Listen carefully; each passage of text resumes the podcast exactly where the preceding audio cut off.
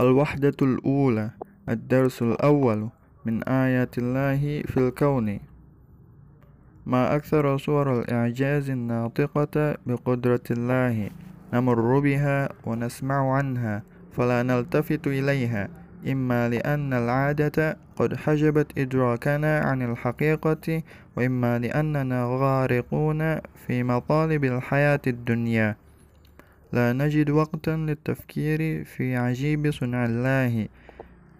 كثير من الناس رأوا الخفاش أو سمعوا عنه والخفاش طائر صغير ذو أجنحة رقيقة كبيرة بالنسبة إلى حجمه يشبه جسمه إلى حد ما جسم الفأر الصغير. إن هذا الحيوان ضعيف النظر جدا وهو لا يطير إلا في الليل وفي الأماكن المظلمة التي لا نور فيها. فكيف يتفادى هذا المخلوق الاصطدام بما حوله؟ قام عالم إيطالي يدعى سبالنزاني بتجربة لطيفة لإثبات هذه القدرة العجيبة لدى هذا الطائر الضعيف. فربط عددا كبيرا من الأجراس الصغيرة بخيوط متينة. ثم علقها في سقف غرفة بحيث, تد... بحيث تتدلى موزعة في شتى أنحائها. وحجب, وحجب النور عن هذه الغرفة وأطلق الخفاش فيها ليري هل سيصطدم بهذه الخيوط. فيتحرك الجرس المربوط وطار الخفاش بسرعة ومهارة. ولم يهتز أي خيط. وعلل بعض العلماء هذا الأمر بأن الخفاش يرسل اهتزازة ترتد إليه عند اصطدامها بأي عائق أمامه فيحدد مكان هذا العائق وبعده فيبتعد عنه. وهذه الاهتزازات تنطلق في جميع الاتجاهات بسرعة.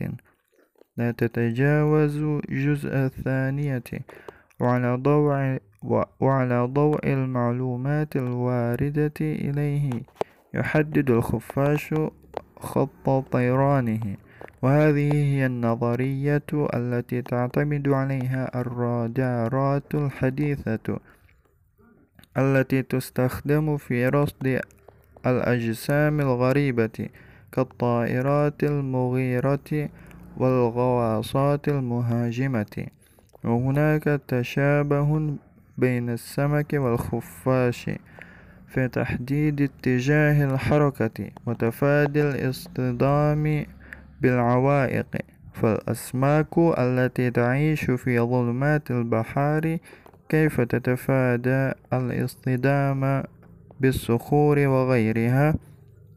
لقد درس العلماء هذه الظاهرة وفحصوا أجسام الأسماك تحت المجاهر المكبرة فوجدوا أن السمكة مزودة بخطين طوليين من الخلايا الدقيقة الحساسة على جانب جسمها.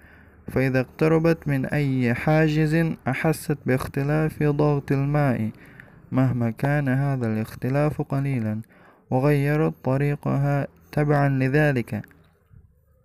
إن الكون حولنا يزخر بالآيات الدالة على وحدانية الله وقدرته التي لا حد لها وإن التفكير في بديع صنع الله مع كونه عبادة من أعظم العبادات يهدي النفوس ويريح الأعصاب ويملأ القلوب خشية وحبا لخالقها العظيم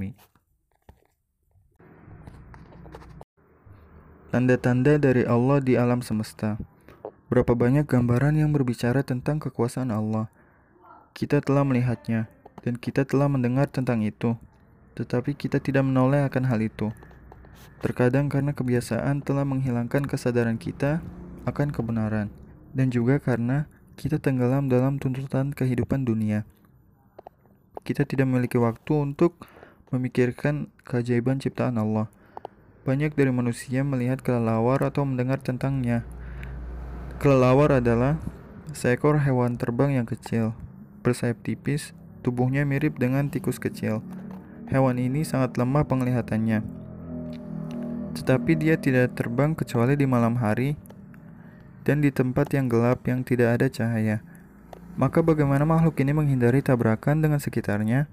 Seorang ilmuwan Italia bernama Spallanzani membuat percobaan yang bagus untuk membuktikan kemampuan luar biasa hewan terbang yang lemah ini. Dia mengikat lonceng-lonceng kecil dengan benang yang kuat. Kemudian dia menggantungnya di langit-langit ruangan sehingga menggantung di seluruh ruangan dan menghalangi cahaya dari ruangan itu. Lalu dia melepaskan kelelawar di dalamnya untuk melihat apakah dia akan bertabrakan dengan benang ini dan bel yang terikat akan bergerak. Kelelawar itu terbang dengan cepat dan terampil, tetapi tidak ada benang yang bergerak. Beberapa ilmuwan menjelaskan hal ini dengan fakta bahwa kelelawar mengirim getaran yang kembali kepadanya ketika mereka bertabrakan dengan penghalang di depannya. Maka dia menemukan dan menghalangi rintangan ini, kemudian menghindarinya. Dan getaran-getaran ini dilepaskan ke segala arah dengan cepat dan mengingat informasi yang diterima olehnya, kelelawar menentukan jalur terbangnya. Dan ini adalah teori yang digunakan radar modern dalam mendeteksi benda asing, seperti pesawat yang menyerang dan kapal selam yang menyerang. Ada kesamaan antara ikan dan kelelawar dalam menentukan arah pergerakan dan menghindari tabrakan dengan rintangan. Ikan yang hidup di kegelapan laut, bagaimana menghindari tabrakan dengan batu dan lainnya? Para ilmuwan telah mempelajari fenomena, fenomena ini dan memeriksa tubuh ikan di bawah mikroskop dan menemukan bahwa Ikan dilengkapi dengan dua garis panjang sel mikroskopis sensitif di kedua sisi tubuhnya. Jika dia mendekati penghalang apa pun, dia merasakan perbedaan dalam tekanan air. Seberapa kecil pun perbedaan itu, dia akan mengubah jalannya sesuai dengan tekanan. Alam semesta di sekitar kita penuh dengan tanda-tanda yang menunjukkan ke keesaan Allah dan kemampuannya yang tidak dapat tergantikan.